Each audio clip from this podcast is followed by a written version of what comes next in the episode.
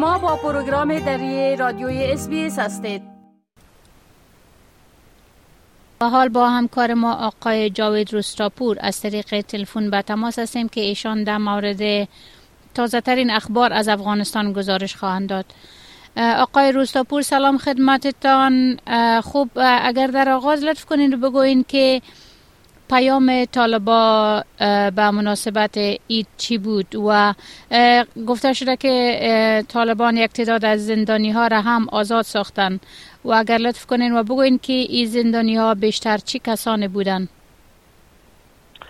با سلام وقت شما بخیر. بله امان گونه که شما اشاره کردین رهبری طالبان در پیامی به مناسبت ایدی سعید قربان گفته که به هیچ عنوان اسلام را یا شریعت را معامله با کشورها و با خاص کشورها نمی کند همچنان در پیام ایدی رهبری که منصوب به رهبری طالبان است طریق رسانه های دولتی افغانستان نشر شد. رهبری طالبان حدود دو هزار زندانی را به مناسبت اید دستور آزادیشان را داده.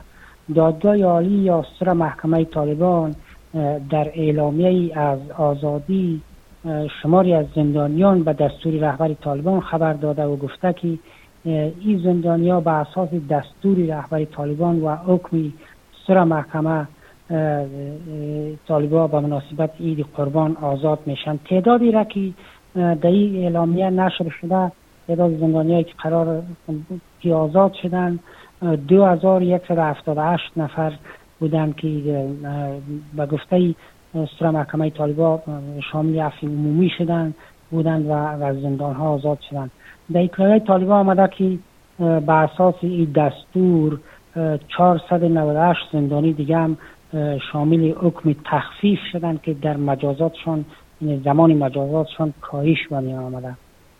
این در حالی است که بسیاری از زنان و مردانی که پس از تسلط طالبان در افغانستان زندانی بودند و از زندان های طالبان آزاد شدند. یا روایت های بسیار وحشتناکی از شکنجه و بدرفتاری طالبان با زندانیان صحبت می‌کنند و گفتند که اعضای طالبان هر کدامشان به نوای خود دادگاه خود را دارند.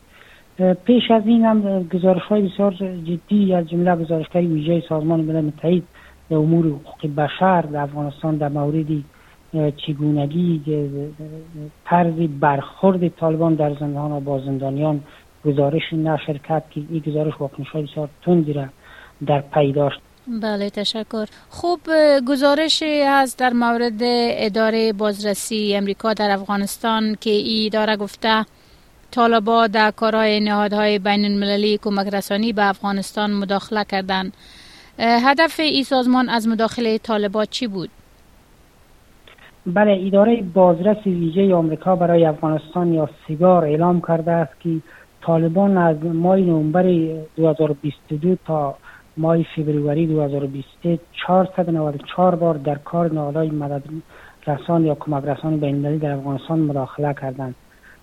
سیگار در یک خبرنامه گفته که مداخله طالبان در زمان مشابه در سال 2021 153 مورد بوده که تقریبا از دو برابر هم بیشتر شده در سال دوم.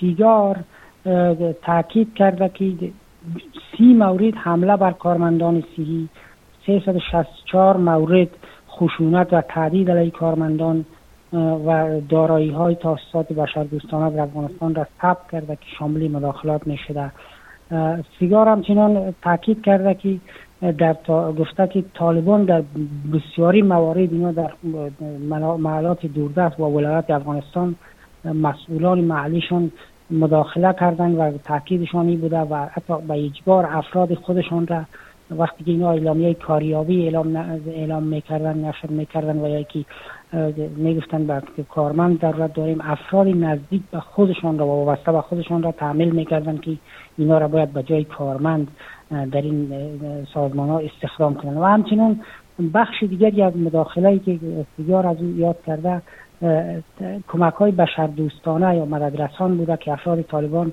لیست یا فهرستی از نزدیکان و افراد خودشان را تعمیل می‌کردن که باید از این کمک ها به افراد خودشان داده شد و بیشترین تاکیدشان به این بوده که به گفته سیگار مجاهدین مربوط به طالبا باید از این کمک ها مستفید بیشتر از اینکه مردم مستحق در اولویت قرار داشته باشند بله تشکر. و یک مسئله دیگه که انستیتوت اقتصاد صلح گفته که افغانستان هنوزم کشور ناامن است. و اما طالبای گزارش رد کردن و او را نادرست خواندن. در این مورد اگر کم بیشتر به شنانده های ما معلومات بتین. بله حکومت طالبان در واکنش به یافته های گزارش سالانه اینستیتوت صلح و اقتصاد در که در استرالیا فعالیت دارد گفته که قرار دادن افغانستان به عنوان ناامترین کشور جهان نادلانه است. سخنگوی طالبان تاکید کرده که آمار تلفات که در رویدادهای عراس افغانانه بیشتر از آنچه که در این گزارش آمده در افغانستان کاهش یافته است.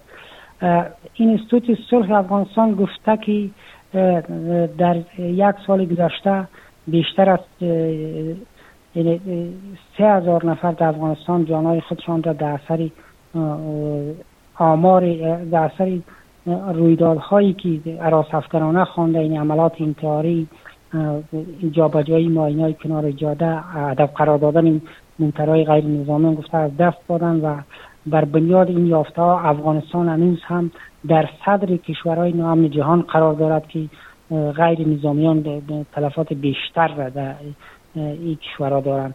اما طالبان گفتند که آمار تلفات بلند است. هنوز هم یعنی چهار هزار گزارش اینستیتوت سال خاملا که چهار هزار نفر در افغانستان چهار هزار غیر نظامی در سال گذشته کشته شدن اما سخنگوی طالبان گفته که ای چهار هزار حتی تا یک هزار هم نمی رسد و این گزارش که اینستیتوت نشر کرده نوی پروپاگند علی حکومت اسلامی طالبان است.